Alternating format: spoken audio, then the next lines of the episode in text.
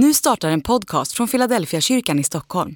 Om du vill komma i kontakt med oss, skriv gärna ett mejl till hejfiladelfiakyrkan.se. Dag 229. Förberedelse för svåra tider. Hur förbereder man sig för det man helst av allt vill slippa? Låt mig ge dig några råd som kanske kan bli till hjälp. När sjukdom kommer eller problem drabbar dig, fråga inte varför. Försök inte hitta en logik i lidandet eller en orsak, för det finns ingen. Jo, naturligtvis kan en orsak vara ett ohälsosamt levande eller en nonchalant inställning i en relation. Men det är du förmodligen redan medveten om. Om du sover för lite, äter ohälsosamt, dricker stora mängder alkohol, alltid tar hissen och undviker trappor, alltid åker bil och undviker promenader, då blir du sjuk och ingen bön i världen kan förbättra din hälsa. Du är nog tvungen att ta ansvar själv. Om du aldrig tar dig tid att prata med din partner, om du alltid prioriterar bort den du älskar för jobbet, för egna intressen eller av ren slöhet. Skyll inte på Gud eller på ödet när det, när det är du själv som sabbar det viktigaste i livet.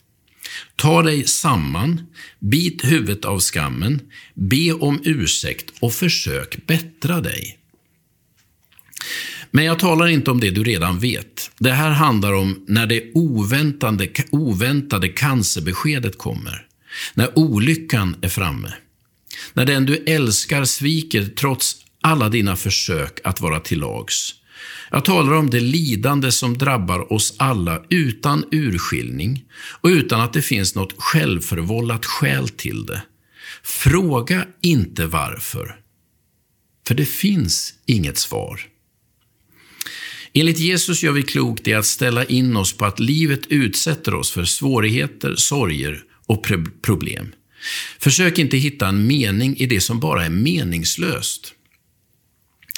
Den här tillvaron ligger under tomhetens välde enligt Romarbrevet kapitel 8 och vers 20. Det betyder att det finns saker som drabbar oss som är tomma på betydelse, som saknar innebörd, som till och med tömmer oss på mening.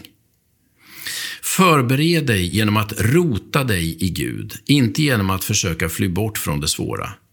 Paulus skriver i, Filipp, i Kolosserbrevet att vi ska leva med rot och grund i honom, allt fastare i den tro som ni har undervisats i.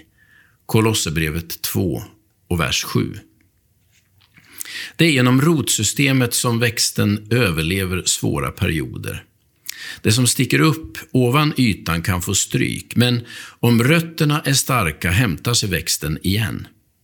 Om du vet att Gud har tagit emot dig som sin egen kan du överleva att människor du hoppats på sviker dig. Om du vet att Gud är din far kan du klara att hälsan sviker. När ditt rotsystem fördjupas hos Gud blir din möjlighet att överleva svårigheter bättre och svårigheter kommer.